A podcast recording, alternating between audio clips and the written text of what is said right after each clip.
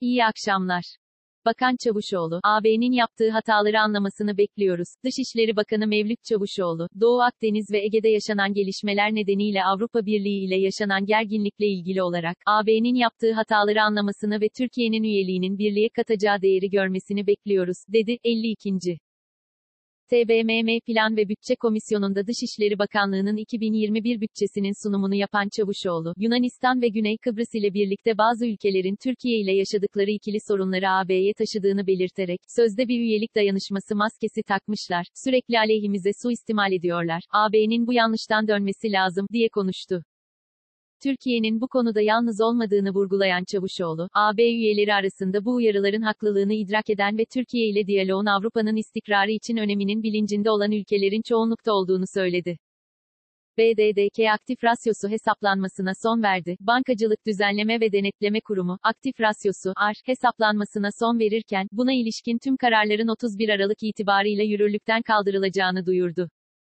BDDK'dan yapılan açıklamada, yeni tip koronavirüs salgını nedeniyle küresel piyasalardaki belirsizliklerin ve risklerin yüksek olduğu bir dönemde, pandemi sürecinin ekonomiye, piyasaya, üretime ve istihdama olumsuz etkisini mümkün olan en az seviyeye indirmek ve bankaların ellerinde bulundurduğu kaynakların etkin bir şekilde kullanılmasını sağlamak amacıyla aktif rasyosu düzenlemesinin yapıldığı hatırlatıldı.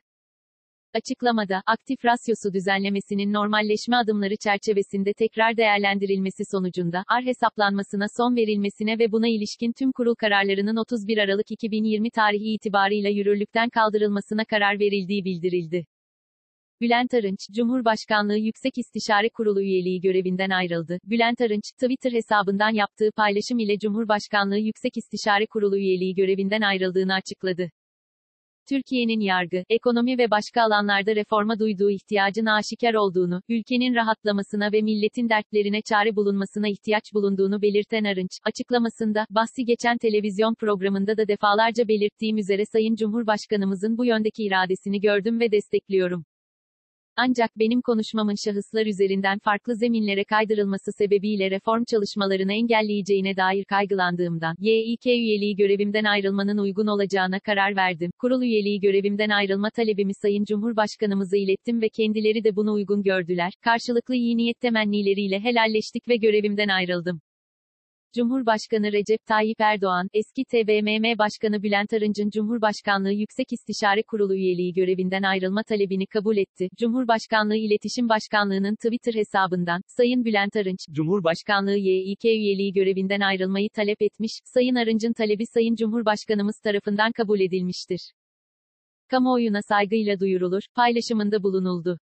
Sektörel güven endeksleri Kasım'da düştü. Türkiye İstatistik Kurumu verilerine göre, mevsim etkilerinden arındırılmış güven endeksi Kasım ayında bir önceki aya göre, hizmet sektöründe %2,8 ve inşaat sektöründe %5,7 azalırken perakende ticaret sektöründe aynı düzeyde kaldı. Mevsim etkilerinden arındırılmış hizmet sektörü güven endeksi Ekim ayındaki 79,7 düzeyinden, Kasım ayında %2,8 azalışla 77,5 değerine geriledi. Mevsim etkilerinden arındırılmış inşaat sektörü güven endeksi bir önceki aydaki 83,8 değerinden, Kasım ayında %5,7 azalarak 79 değerine geriledi. Mevsim etkilerinden arındırılmış perakende ticaret sektörü güven endeksi ise Kasım ayında bir değişim göstermeyerek 95 değerini aldı. E-Devlet'ten sonra E-İş geliyor. Türkiye'nin E-Devlet ile başlayan iş ve işlemlerin online ortama taşınması sürecinde yeni bir aşamaya gelindi. Cumhurbaşkanlığı Dijital Dönüşüm Ofisi koordinasyonunda ilgili kurumların katılımıyla E-İş adı altında özel ve kamu ekonomik birimlerin sayısallaşması yönünde bir proje geliştirildiği öğrenildi. Edinilen bilgilere göre projenin nihai hedefi geniş kapsamlı bir kavramsallaştırma olarak belirlendi. Bu kapsamda sadece ekonomik aktörler kamu değil, özel sektörün de kendi aralarındaki iş süreçlerini elektronik ortamda yapmasına, bunların sayısallaştırılmış işlemlere dönüştürülmesine çalışılacak. Bir yönüyle Türkiye'nin kendi sanayi 4.0 yaklaşımı olacak bir sonuca ulaşılmak isteniyor. Bu nihai hedef öncesinde kısa vadede kamu hizmetleri ile iş ortamının idari işleyiş mekanizmalarının tıpkı devlette olduğu gibi sayısallaştırılması ve online olarak yapılabilmesi için çeşitli adımlar atılacak. Google, sosyal medya devini 1 milyar dolara satın alıyor. Google, Hindistan'ın sosyal medya platformu ShareChat'i satın alıyor. Economic Times'ın konuya yakın kaynaklara dayandırarak verdiği habere göre, ShareChat'ın kurucuları uygulamanın Google'a satılması sonrasında küçük bir pay ile ortaklıklarını devam ettirecekler. ShareChat'in değeri yaklaşık 1,03 milyar dolar. Satış bedelinin de 1 milyar doların üzerinde olması bekleniyor. BIST 100 endeksi, günü %0,51 yükselişle 1320,98 puandan kapattı. Saat 18.30 itibarıyla ABD doları 8 lira 1 kuruş, avro ise 9 lira 52 kuruştan işlem görüyor. Bugün Google'da en çok arama yapılan ilk 5 başlık şu şekilde. 1. Bülent Arınç. 2. Aktif rasyo nedir? 3. Serdar Aksoy. 4. Uyanış Büyük Selçuklu 9. bölüm izle. 5. Başakşehir. Bugün Twitter gündemi ise şöyle. 1. Hashtag benim öğretmenim. 2. Hashtag salı. 3. Hashtag şikeci Galatasaray. 4. Bülent Arınç. 5. Hashtag metal işçisine yolu aç.